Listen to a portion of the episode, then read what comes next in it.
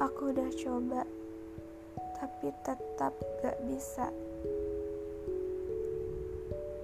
Katakan padaku, cara apa lagi yang bisa kulakukan agar bisa melupakanmu?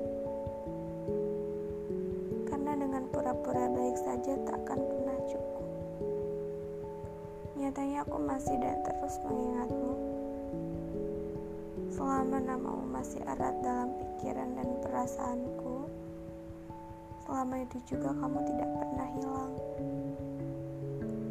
Kamu kan kubawa ke mana-mana tak kenal lelah dan arah. Aku ingin berhenti, berhenti untuk terus menyakiti diri lagi. Tapi semua itu tak semudah yang terjadi.